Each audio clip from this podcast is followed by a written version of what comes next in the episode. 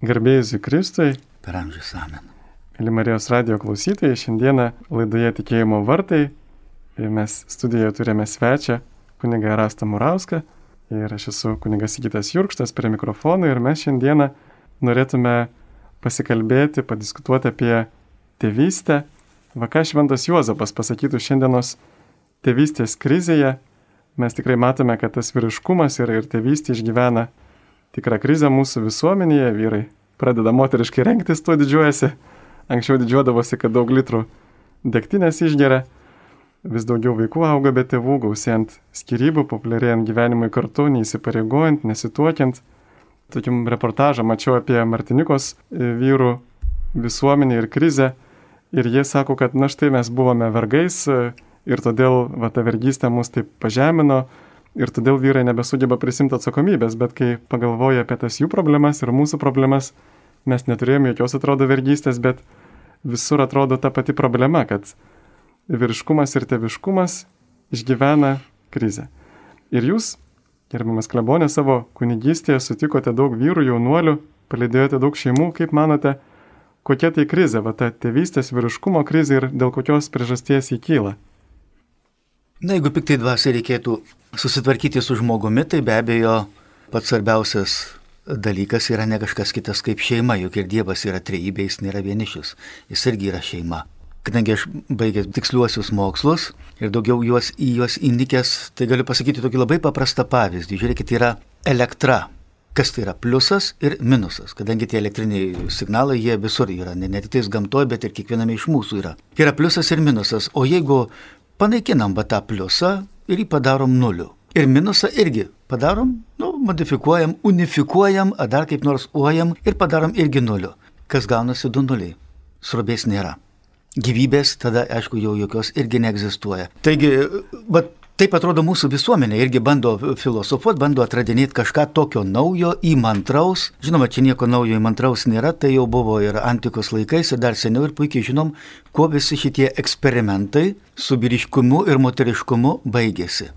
Tiesiog subirėjo masiškai, kaip kažkada buvo toksai vienas labai protingas žmogus - Aristotelis. Tai va šitas Aristotelis ir tai pasakė, sako, jeigu du vyrai sujungia savo protus, jie kuria valstybės, stato miestus, laimi karus. Bet jeigu du vyrai aistroje sujungia savo kūnus, jie tada tas valstybės ardo, miestus greuna ir karus pralaimi.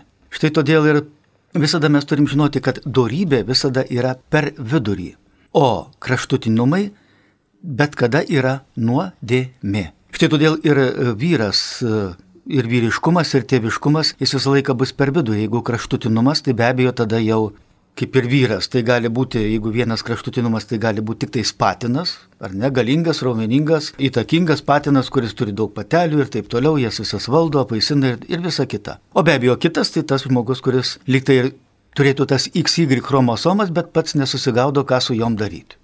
Į pasimetęs. Čiagi šešta klasė, biologija. Ir čia kai kažkas sako, galiu apsispręsti, kas aš toks esu. Įsitirk ir sužinosi iš tikrųjų, kas esi. Ar tu turi XY chromosomas, tada vadinasi yra vyras, jeigu XX tai vadinasi moteris. Ir be abejo, tada net ir, ir tėvystėje, tada tu gali būti du kraštutinumai. Jeigu ne tėvas, tai kas gali būti diktatorius arba būti tiesiog senbernis. Tiesiog senbernis, taip ir nesubrendęs tėvystėje. Be abejo, neteisingas vyro arba tėvo įvaizdis ką mums duoda? Mums duoda baimę būti savimi, pripažinti savo baimę, savo žaizdas, savo įdas ar trūkumus. Ir labai dažnai iš tiesų vyras ir buvo taip suvokiamas kaip kažkoks šablonas, kuris daužo stalą, turi ten galingus raumenis ar dar kažką ir, ir viskas. Ir, ir tuo viskas apsiribodavo. Tai be abejo, tai tada yra patinas, bet kuris fermos bulius, tada turėtų būti pats didžiausias vyras, o gal net ir tėvas galėtumėm sakyti, bet puikiai suprantam, kad tai ne kad visa tai ateina visiškai iš kitur. O kaip manot, kodėl vyrams yra sunku prisimti tą tėvystę, tą įsipareigojimą? Kalbant apie tos vyro įvaizdžius, turbūt matome, kad, pavyzdžiui, filmuose, kad štai tikras vyras atrodo tas, kuris ten gerai kiekvienam snukutį išmala arba kuris, reiškia, dėl bet kokios smulkmenos įsižeidžia ir, ir paskui kitą užmuša. Ar tai yra tas tikrasis vyriškumas ir Ir turbūt tas reikalingas tam tikras irgi virsmas, va, iš vyro tapti tėvu. Be abejo, tėviškumas tai būtų visų pirmiausiai vyro sugebėjimas prisimti atsakomybę ir pareigą. Ir tai iš tikrųjų yra ne našta, kaip labai daug kas įsivaizduoja, bet tiesiog žmogaus kilnumas ir didybė, bei džiaugsmas, kad iš tiesų galiu kažkam tarnauti. Mes labai dabar įsivaizduojam, kad tarnystė tai yra žeminantis dalykas. Žiūrėkit, netgi ir žodis toks ministras, ką reiškia išvertus į lietuvių kalbą, tai reiškia tarnas.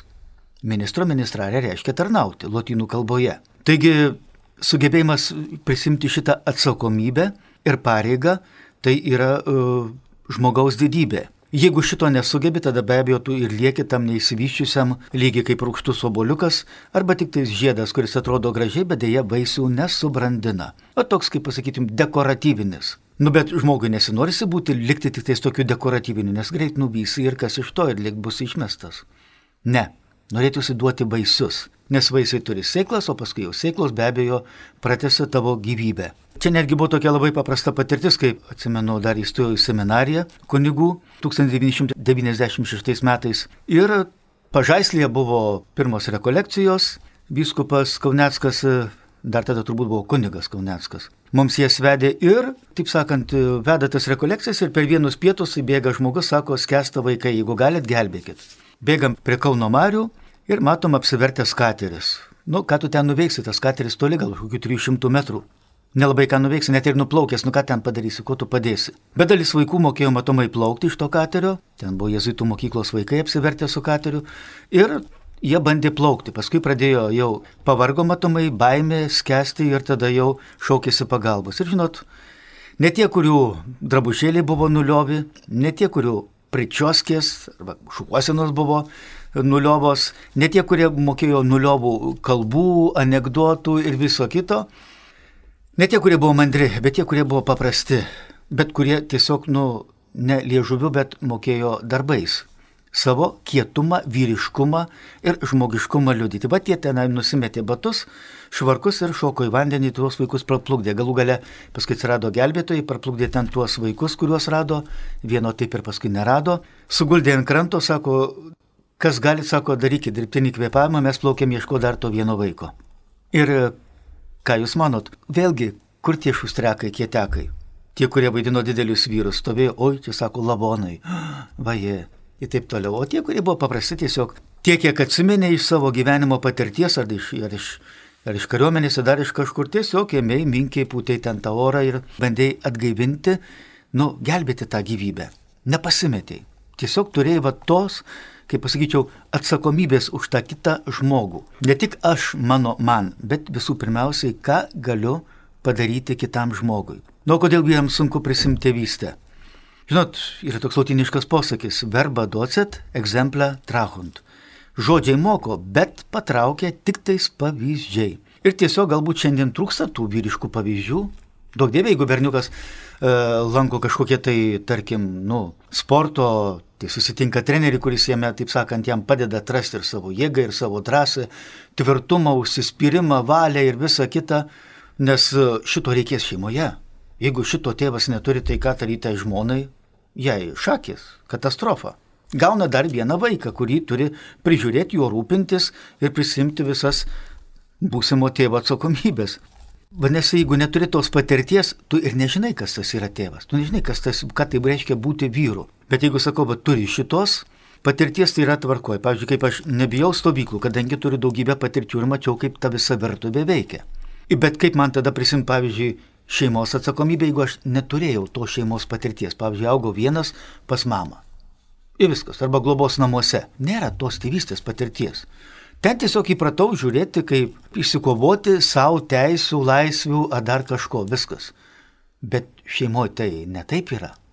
Čia tu nežiūri, kokios mano teisės ir mano laisvės. Čia jau yra atsakomybė ir pareiga, va tuos žmoną ir vaikus. Jiems sukurti saugumą, ramybę ir ugdyti juose pasitikėjimą. Tu esi tas pamatas, ant kurio jie gali aukti ir skleisti savo gyvenime. Netgi žiūrėkit, toks iš tų pačių stovyklų patirties daugelis vaikų, kurie tenai būdavo tose stovyklose, jie būdavo su tais vadovais, tik, tik sakant, tuos vadovus, paprastai pasakius, melždavo visus, kad reiškia melždavo. imdavo iš tų vadovų viską, ką tik įmanoma. Dėmesį, laiką, viskas. Žiūrėkite į ant kaklų, kuriam sukarė, tai jau tempėsi kažkur žais, kažką dar, kažką daryti. Viskas. Tiesiog tai, ko negaudavo galbūt iš savo tėvų, jis reikalaudavo iš tų vadovų.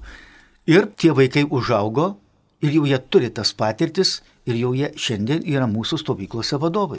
Vadovai, kurie turi pilną atsakomybę ir kaip, tai, kaip taisyklė jie tada yra lyderiai ir savo darbovietėse, ir lyderiai yra ir jau dabar bet kur. Nesvarbu, kur jie bebūtų, jie visur yra, tada jau tie turi tą patirtį. Jie sugeba prisimti tą atsakomybę ir tada bet koks žmogus jau sutikęs, ar tai moteris sutikusi tokį, ar darbdavys, ar dar kažkas, jis mato, šitas žmogus yra tvirtas. Ant jo tu gali statyti. Jis nešlubuoja, jis nežiūri kaip nusimest, jis žiūri kaip prisimti ir išspręsti.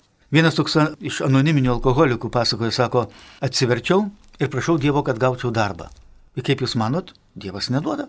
Ką aš tada darau, sėdžiu namie, gaminu valgyti, išleidžiu vaikus į mokyklą, žmona dirba, koks man pažeminimas, katastrofa, bet Dievas darbo neduoda. Nu ir paskui vaikai grįžta iš mokyklos, panruošiam pamokas, žaidžiam ten visokius puzlius dėliojam, einam į laukus, į pievas, į paežerę, žvėjojam, maudomės, pamečius karstomės, po lapus valiuojamės, nuo sniego kalniukų leidžiamės ir visa kita. Ir sako, aš dar vis tiek dar buvau dar pagerintis. Dar vis tiek dar pagerdavau, bet šitas tėtis yra pats geriausias pasaulyje. Visi sako, latras, alkoholikas, slunkius ir visoks kitoks. Aš paskui supratau, sako, Dievas man tiesiog davė tuos du metus, sako, paskui tu darbą gausi. Bet dabar tu pabūksi savo vaikais. Nes vaikai ką labiausiai iš tėvų vertina - daiktus, dar kažką, pinigus, įtaką, dar kažką. Ne, ne, ne, ne, ne. Laiką. Paprasčiausiai laiką praleista kartu. Ar ne to pačio ir mums reikia? Viskas. Šito. Tai yra pagrindinis iš psichologijos tiesiog aksijomų. Pirmas dalykas tai labiausiai aš kitame žmogui vertinu laiką, kurį jis skiria man. Jis man padovanoja tą laiką. Ir tada mano tas gyvenimas, va šita atkarpa, kur buvau kartu su juo, tampa įprasminta. Ta žmogų aš įsidedu į savo širdį kaip širdies albumą, kaip nuotrauką, kurią nešiosiu visą gyvenimą ir persinešiu jam žinybę. O jeigu reikės, aš tą žmogų užstosiu prieš Dievą. Jis man save dovanojo. Dievas negali eiti į pragarą, nes jis dovanojo save. Taškas. Ir va minėjo tikrai pavyzdį, tą patirtį ir pastebėjau, kad e, popiežius Pranciškus jisai vis skatina pamaldumą į šventąjį Juozapą. Ir atrodo, kad e, šventasis tėvas pamato tą vyriškumo, tėviškumo krizę ir atrodo, kad mato liktai jo sprendimo raktą būtent švento Juozapo asmenyje, pavyzdyje, va ko šventas Juozapas galėtų išmokyti šiandienius vyrus ir tėvus. Ko gero sakytų, mokykis vyriškumo iš Jėzaus, o tėvystės iš Dievo tėvo. Atsiverti šventą raštą ir tu skaitai, koks Jėzus buvo. Ir tu matai, kad jis iš tikrųjų buvo vyriškas. Skaitai diev, apie Dievą tėvą, visus jie palyginimus ir, ir gal galų galia kaip Dievas elgesi, ką jis pats kalba per psalmes, per visas kitas švento rašto knygas ir tu matai, kad toje tėvystėje visada yra ir gailestingumas, ir teisingumas.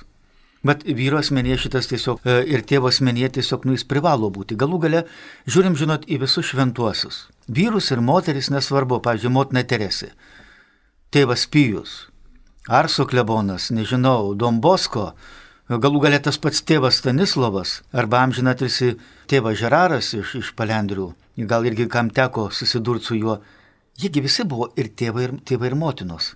Ir ne ta biologinė prasme, Bet būtent šita dvasinė prasme ir netgi psichologinė prasme, jie iš tikrųjų šitą tėvystę ir motinystę, jie jausti kaip rūpestį tuo žmogumi, kuris ateina. Ir jie pergyveno, ir jie už jį meldėsi. Ir kiekvieną kartą tave atpažįsta ir visas tavo problemas, baimės, nuoskaudas, žaizdas ir visa kita jie žino ir nešiojasi. Tik tais pasakyk to žmogaus vardą ir iš karto Kaip ir aš pas tėvą Žerarą, kai atvažiuodavau, jis ne tik apie mane klausinėdavo, ir apie mano pažįstamus, kurie pasietvadžiu, o kaip sako dabar tam? Ar susitvarkė? Ar pagerėjo? Ar, ar pasveiko? Ar dar kažkas? Jis tuo gyvena. Lygiai taip pat kaip ir tėvas, turbūt kiekvienas tėvas, uh, spėkit, ką turi savo kišenėje. Turi piniginę, o kas piniginėje, apart pinigų ir dokumentų. Visada yra kas? Nuotrauka. Kieno? Šeimos. Štai aš, štai mano žmonikė Ir štai mano kas vaikai.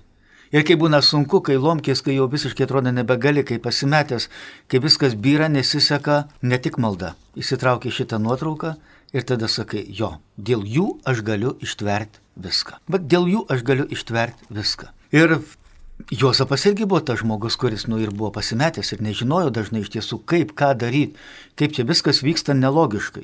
Absoliučiai. Čia Marija pasakojo, Angelą matė ir aš sapnavau ir čia varo ir staiga tėvo išrinktasis ir visa kita ir staiga tremtis. Staiga grįžti į savo tėviškę, vėl bijai tenai gyventi ir tu galų galę matai, nu viskas ne, ne taip darosi. Nėra jokio išskirtinumo, jokio privilegijų, absoliučiai nieko nėra. Atrodytų keista, lyg tai nelogiška kaip ir mes galim kartais susabėjoti Dievo veikimu savo gyvenime. Bet iš Juozo pamokomis tos kantrybės. Tiesi viešpatie tavo valia. Kodėl? Nes tu mane myli. Išmokyk ir mane šitos Dieve meilės, kad ir aš ją galėčiau dalinti, na, kiekvienam žmogui, kurį susitiksiu savo gyvenime. Kad jis tiesiog pajustų, šitame yra kažkas ypatingo. Kai mes kartais susitinkam žmonės ir jaučiam, jis kažkoks kitoks. Iš jos sklinda rūpestis, iš jos sklinda šviesa, iš jos sklinda dėmesys ir netgi palaim, jis į mane žiūri laiminančiomis akimis. Nedalykiškomis, įsprendžiau ir dink iš mano akių. Ne, ne, ne, ne, visai kitaip. Ir tada kažkaip tai šildo. Štai turbūt Juozapas ir norėtų mums tą padalinti. Va, jūs e, irgi užsiminėt apie tėvo rūpestį žmogumi, savo vaikais, šeima. Aš irgi turbūt galiu, gal dar pridėti tokią mintį, kad dažnai labai mes turbūt turim tą pagundą rūpintis ne Dievo ir artimo meilė, bet rūpintis, na, pavyzdžiui, daiktais, pavyzdžiui, savo automobiliais ir taip toliau.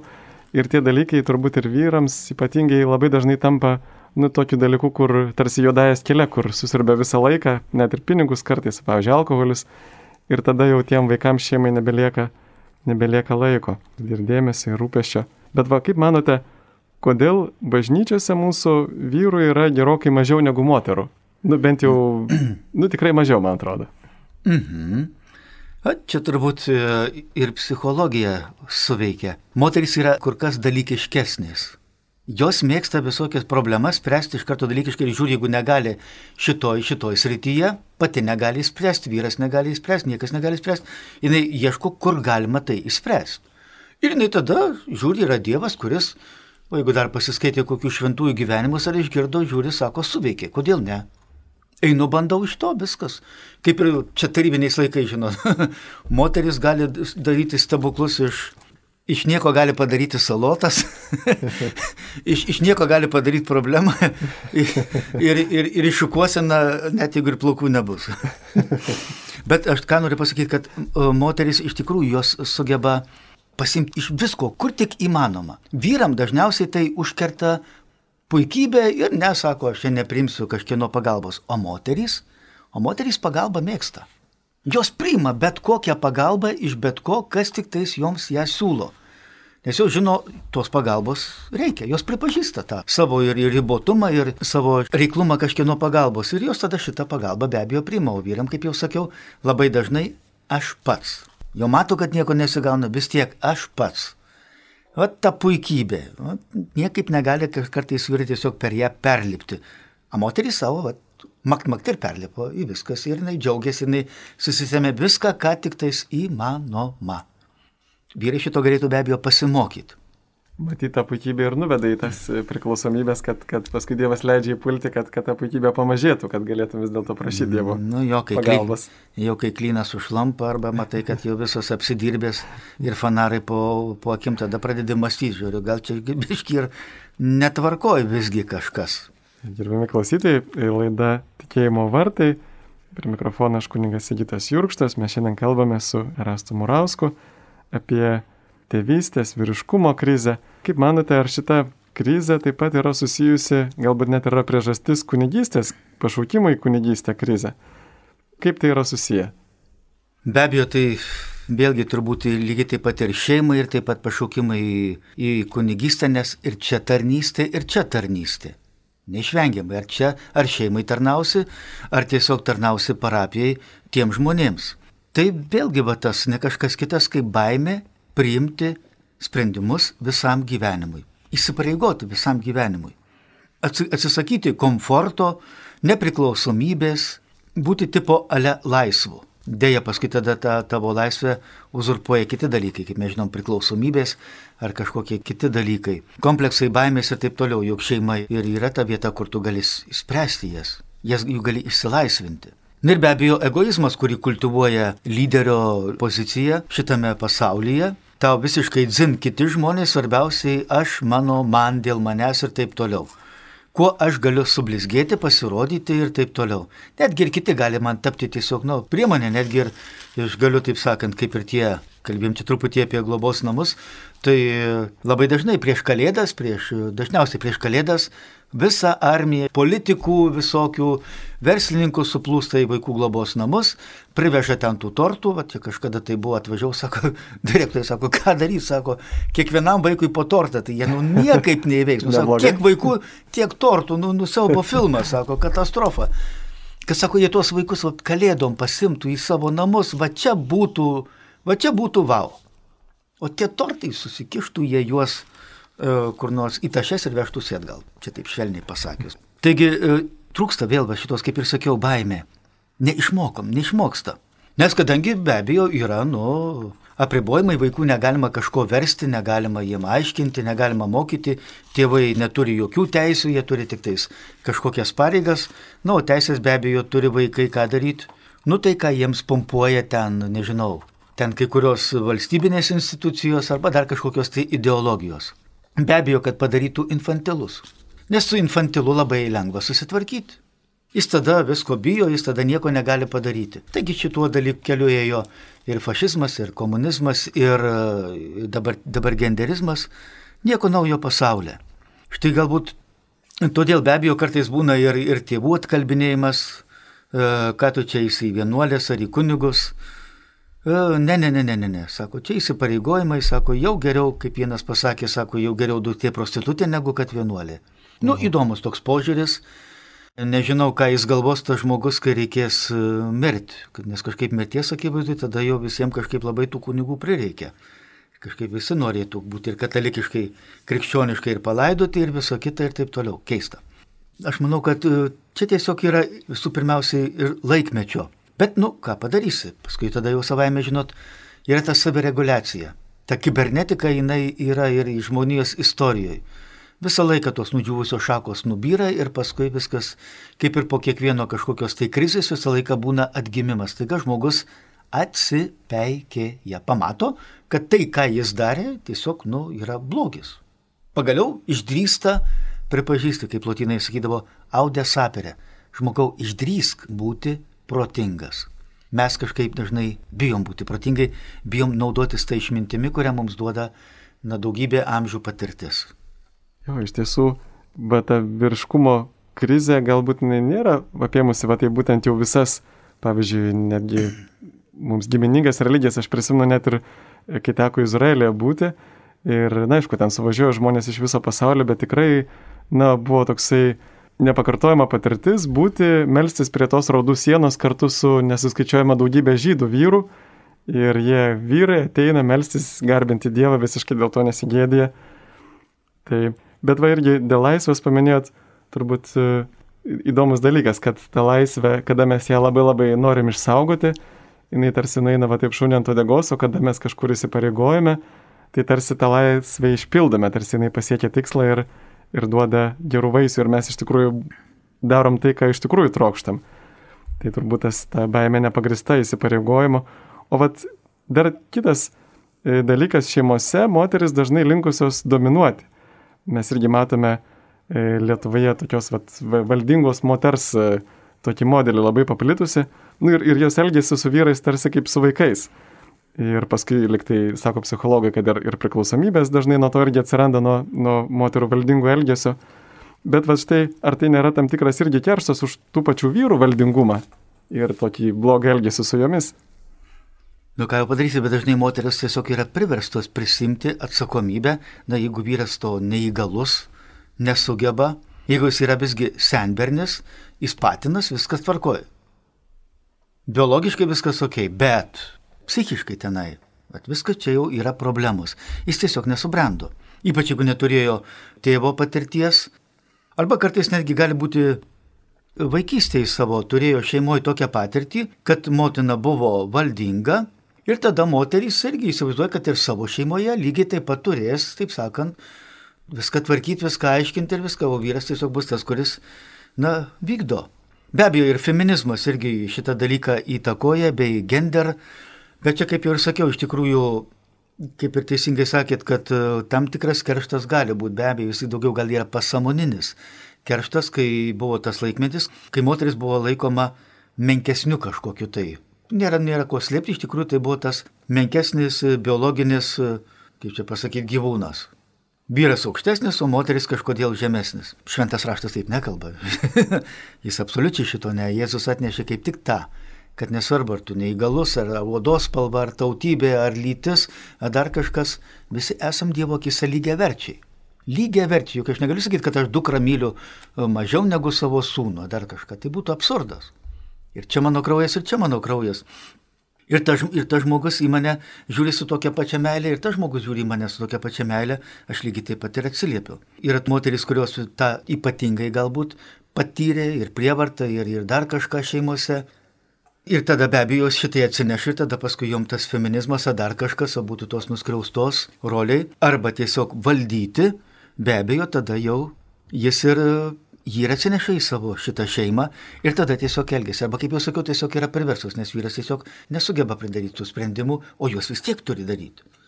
Vaiką vežti, nevežti, gydyti, dar kažką, nu tada tu, jeigu matai, kad vyras šito nesugeba, tai tada taip. Tada, kaip ir sakiau, ir ideologija. Dabartinė ideologija irgi iš tiesų stengiasi nurašyti vyriškumą, beje, labai liūdna ir moteriškumą nurašyti, nes moteris irgi kaip tokia irgi yra nurašoma vien pasižiūrėjus ten tą, kai vieną kartą įsijungęs televizorių, ne televizorius, atsiprašau, internetą pamačiau, kaip moterų lenktynėse olimpinėse tenai dalyvauja atėjęs vyrukas, kuris pareiškė, šiandien aš esu moteris.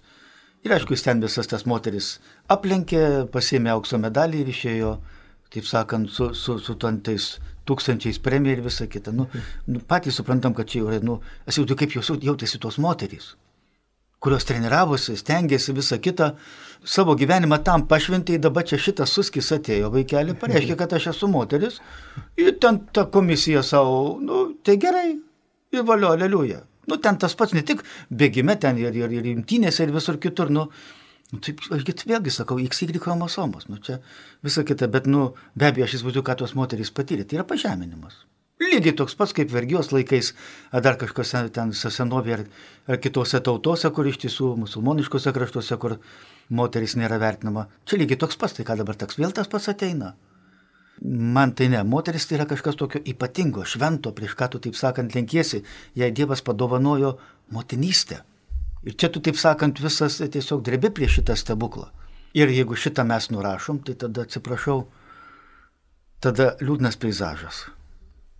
Jo, turbūt iš tikrųjų galvoju, kad vyrai ir moteriai labiausiai ir apibūdina būtent va, tėvy, tėvystė ir motinystė turbūt. Ir va, kai, kai tos tėvystė ir motinystė laikoma tokiu jau našta arba netgi blogiu, tai su kuriuo reikia kovoti, net lyga neštumas, tai iš tikrųjų tada tas išsikreipia labai. Ir, Bet va įdomu, kad Biblijoje net nuo pačios pirmos knygos, pradžios knygos yra rašoma vat, apie tą vyru ir moters tokį lygiavertiškumą, kad štai Dievas sukūrė juos, kad tai yra Dievo paveikslas vyras ir moteris, abu du kartu ir kad va štai ir ta moteris iš vyro šono irgi reiškia, kad jinai yra lygiavertinė. Kaip Jūs manote, va kalbant apie vyro ir moters tokį skirtingumą, jie yra kaip Dievo paveikslas sukurti, Dievas yra švenčiausiai trybė tame santykėje, bet galvoju, va, taip yra, yra tyrimai, kad vaikai, pavyzdžiui, berniukai nuo pat mažens jie labiau kreipia dėmesį į techniką, pavyzdžiui, ten kokį sunkvežimį, net ir bežinėlės, tarp kitko, bet taip pat ir žmonių vaikai, o mergaitės kreipia didesnį dėmesį į, pavyzdžiui, lelytės, joms vat, santykis, rūpinimasis. Ir aš galvoju, ar tai nėra tada teisinga sakyti, kad, e, nu juk ne, ne tik moteris Dievo paveikslą atspindi, bet gal vy, vyre tas Dievo paveikslas yra, pavyzdžiui, technikos kūrimas, nes juk kai pažiūrim, kad Dievas yra kuriejas ir visos gamtos, va dabar kai atranda, koks ten yra sudėtingumas tų visų, visos gyvybės, pradžiškai tai yra biologinės mašinos. Dievas yra irgi technikos kuriejas. Tai galbūt vyrui nėra blogai domėtis techniką ir, ir mėgti ir kurti techniką. Gal tai irgi yra tam tikras Dievo paveikslo atspindėjimas. Tokį šventas raštas tai nėra šiaip sako kažkokia pasakų knyga, ten reikia ją mokėti, taip sakant, skaityti ir įsigilinti, ką tie žodžiai iš tikrųjų reiškia. Pavyzdžiui, negi tikrai galbūt, kad paėmė iš Adomo tą šonkaulį, išėmė tą mėsos gabalą su kaulu ir, taip sakant, padirbino kokiu tai būdu tenai, į kokį tai aparatą įdėjo ar pastinai tiesiog ir padarė tiesiog moterį su plaukais ten, klubais ir visa kita. Ne, čia tiesiog yra nurodoma į tą genetinę, vėlgi biologiją, septintą klasę ir aštuntą, neatsimenu. Vėl tą priklausomybę, kad tiesiog iš vyro kadangi jis turi XY chromosomas, gali pagaminti ir vyrą, ir moterį. Iš moters gali pagaminti ką? Tik tais moterį. Padaryti, va čia va tas, tiesiog va tas, kad iš vyro gali padaryti moterį ir vyrą, o va iš moters jau nebegali. Va, tiesiog tas tokia minimali, tiesiog grinai genetinė nuoroda. Lygiai taip pat kaip ir žiūrėkit, ką Dievas pasakė išeinančiam iš rojaus Adomui ir Jėvai. Tiesiog nusakė jų, taip sakant, veiklos šiame gyvenime kryptis kas į juos yra įdėkta. Ir vyrui pasakė, tu žiūrėsi į materiją ir ją tvarkysi ir keisi. Tai vadinasi, dirbsi žemę, savo prakaitų, ten visą kitą, statysi, kursi ir taip toliau. Ir vyrai to puikiausiai amžių amžiais jau nuo, bent jau iki šito amžiaus, tuo puikiausiai užsijima. Na ir matom, kad ten ir, ir, ir tie atradėjai, ir visa kita, ir menininkai, ir kurie, ir dar kažką. Tiesiog jiem tai yra geriausiai sekasi. Tai yra turbūt, aš nežinau, kur tenai DNR koduose, dar kažkur yra užprogramuota, kad jie tiesiog į tą linksta, kaip į kokią saulę, stiebėse dar į kažkur leidžia šaknis į ten, kur vanduo yra ir taip toliau. Na, o moteriai ką pasakė, o moteriai sako, tu geisi ko santykio. Tu, moterie, gimdysi skausmuose, aišku, be abejo, duoda tą uh, dovaną, kurią tik tais pats duoda, uh, pats turi, gimdyti vyrui šito neduoda, moteriai duoda ir sako, tu geisi vyro. Tu gėsi santykių, tau jis bus reikalingas. Ir iš tiesų mes šeimoje ką matom. Jeigu vyras maitina savo dėmesį moterį, jinai yra tada soti, jinai tada paėgia mylėti, skleistis, ištverti be mėgės naktis ir visa kita ir santykių, nu, viską sugeba. A jeigu ne, a jeigu ne viskas, jai lomkės, šakės. Jis eina tada iš proto. Tada prasideda ir zlumas, pyktis, nelaimė, nu, žodžiu, visos įmanomos Pandoros skrynios nelaimės. Visos įmanomos kokios. Nu, aišku, viltis paskutinė ten lieka, bet šiaip tai tada viskas eina šaibom. O jeigu ne šitą gauna, viskas tada nėra pamaitinta, tada jinai viską pakelia, viską ištveria. Turbūt kaip ir, kaip ir vaikai, lygiai taip pat šeima, jeigu jie gauna tėvų dėmesį, meilę, rūpestį, dar kažką, tada jie viską pakelia, visus sunkumus, visokias nelaimės, viską absoliučiai. Tiesiog žinau, yra tas, kuris mane myli ir tai, tai man duoda saugumą, ramybę, pasitikėjimą. Dėl to vyrų stiprioji pusė visą laiką yra buvo ir bus protas bei kūrybiškas darbas, o moterų jausmai ir santykiai. Moteris visada bus tas šeimoje amortizatorius, visada bus uh, skuduras, kuris suplaus visus šeimos uh, purvus, nelaimės, skausmus, baimės, žaizdas ir visa kita, ir be abejo nosinė, kuri visą laiką sugebės nušluostyti ašaras, ar snarglius, ar dar kažką, kas tau ten, ar pūlinius galų galiai, jeigu tavo gyvenime bus vyro ar žmonos, e, vyro ar vaikų. Moteris tą sugeba, jinai tą daro ir čia yra jos, nu, tiesiog lobis. Jeigu šito nebūtų, tai ką vyra, vyrų šakės. Užtenka, vien tik tai žiūrėkit, motina iš, išvažiavo į ligoninę, namuose šakės. Šalta, tuščia, nyku tragedija. Motina grįžo, jinai dar guli lovai, pajungta prie lašelinės, namuose jau šilta, jau gera, jau viskas, jau yra tos akys, kurios į tave žiūri. Viskas. Ir čia moters yra išskirtinis dalykas. Ir, ir ją dabar šitą sunaikinti, tai pasaulio pabaiga. Aš tik tiek galiu pasakyti, suma sumarum, tai yra pasaulio pabaiga. Žinoma, tai nereiškia, kad moteris nesugeba kažkokio kurti, logiškai išmastyti dar kažką puikiai sugeba, lygiai taip pat kaip ir vyrai irgi verkia, nereikia čia lėlę, sugeba tik aišku, gal to nedemonstruoja, nes kaip ir netinka. O va kaip tas tėvo neturėjimas tose šeimose, kur, kur moteris va vienos augino vaikus, kur vyrai galbūt nedrįso įsipareigoti, kaip atsiliepia, pavyzdžiui, berniukams ir mergaitėms vaikams, Nes, nu, pavyzdžiui, panašu, kad ir pataisos namuose yra daugiau tokių jaunuolių, kurie neturėjo tėvo arba apskritai abiejų tėvų neturėjo. Kai buvau Kauno auklėjimų darbų kolonijoje, nu, tiesiog seminarijoje buvo tokie tarnystė, kur nori. Į slaugos namus, eik tenai, jeigu nori į, į kažkokias tai ligoninės ar dar kažką, buvau neurochirurginiam klinikose ir buvau pasiėmęs šitą nepilnamečių koloniją. Tai ten, žinot, Kai tos yra naros, dviejų aukštų lovos, tai visą laiką po viršutinės lovos čiūžinių būna užkištas, kaip taisyklė, Marijos paveikslėlis. jiem reikia tos motinystės, jiem reikia tos moterystės, jie tiesiog mato, nes tai yra ilgesys. Tas ilgesys įrašytas į kiekvieno homo sapiens, aš manau, ne tik homo sapiens ir kitų gyvūnų širdį, jiem reikia tos meilės. Jam reikia to, o motinystė jinai turi ypatingą dalyką. Jis turi ypatingą dalyką. Tėviškumas sustato viską į vietas gyvenime, o moteriškumas sušildo. Padaro, kad tai veiktų. Vyras kuria, taip sakant, automobilį, o va, moteris duoda kurą ir duoda šitą, kaip tenai, visus tuos signalus, kad tas automobilis iš tikrųjų veiktų. Bet taip tėvas moko to tvirtumo, teisingumo, na, tų kardinalinių, gal sakyčiau, darybių. O va moteris daugiau yra linkusi duoti uh, savo vaikams tas dieviškas darybės. Vyriškas tai būtų, kaip sakiau, teisingumas, tvirtumas, susivaldymas ir protingumas, o moteriška jau ima tas dieviškas darybės - dėkti vaikų širdie meilę, viltį Tikėjimą, taip. ir tikėjimą. Ir tikėjimą, nes kaip taisyklė, taisyklė, taisyklė iš tikrųjų moteris vaikus moko irgi tikėjimo, tikėti. Tu vaikelį gali, tu ištversi. Na, o jei vaikai auga ir mokosi ir bręsta ne kažkaip kitaip, bet būtent pamėgdžiodami suaugusius. Na, o jeigu nėra, o jeigu nėra tėvų, o jeigu nėra mamos, kaip jam ką jie tada pamėgdžia? Jie tada pamėgdžia tai, ką mato telike, internete. O ten tėvystės, motinystės dažniausiai nemoko. Įsmukį duosiu ir pasaulį išvaduosiu. Nu ir viskas. Problemos sprendžiasi taip. Tu turi problemų, tai galbūt daugiau sekso reikia, galbūt daugiau pinigų, galbūt dar kažko tenai apie tą tikrą gyvenimą liūdna. Na, bet dar senesni filmai, dar kažkas, tai dar, dar kažkiek moko. O dabar jau eina tas šau. Bet gyvenimas nėra šau. Tai traukia akis nuo ekrano ir tada yra tikras gyvenimas, kuriam visai kitokie dėsniai negu ten televizijoje ar internete.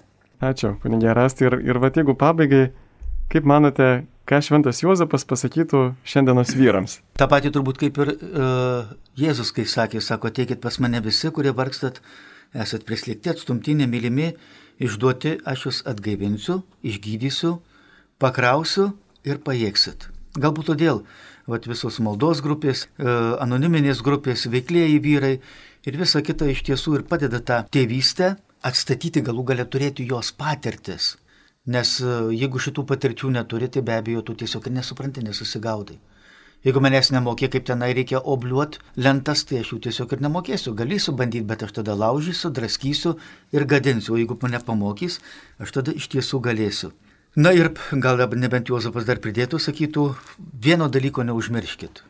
Atleisti savo tėvams, atsiprašyti savo tėvų, ypač jeigu matai, kad yra mirties patale, dėl to niekad nesigailėsi. Lygiai taip pat kaip ir atleisti savo vaikams ir kartais galbūt tų vaikų atsiprašyti. Irgi galbūt prieš mirtį tėvai labai galėtų atsiprašyti savo vaikų, nes, nu, kartais gal patys nepastebėdavo, kai kartais juos įskaudindavo, pažemindavo ar dar kažkaip kitaip.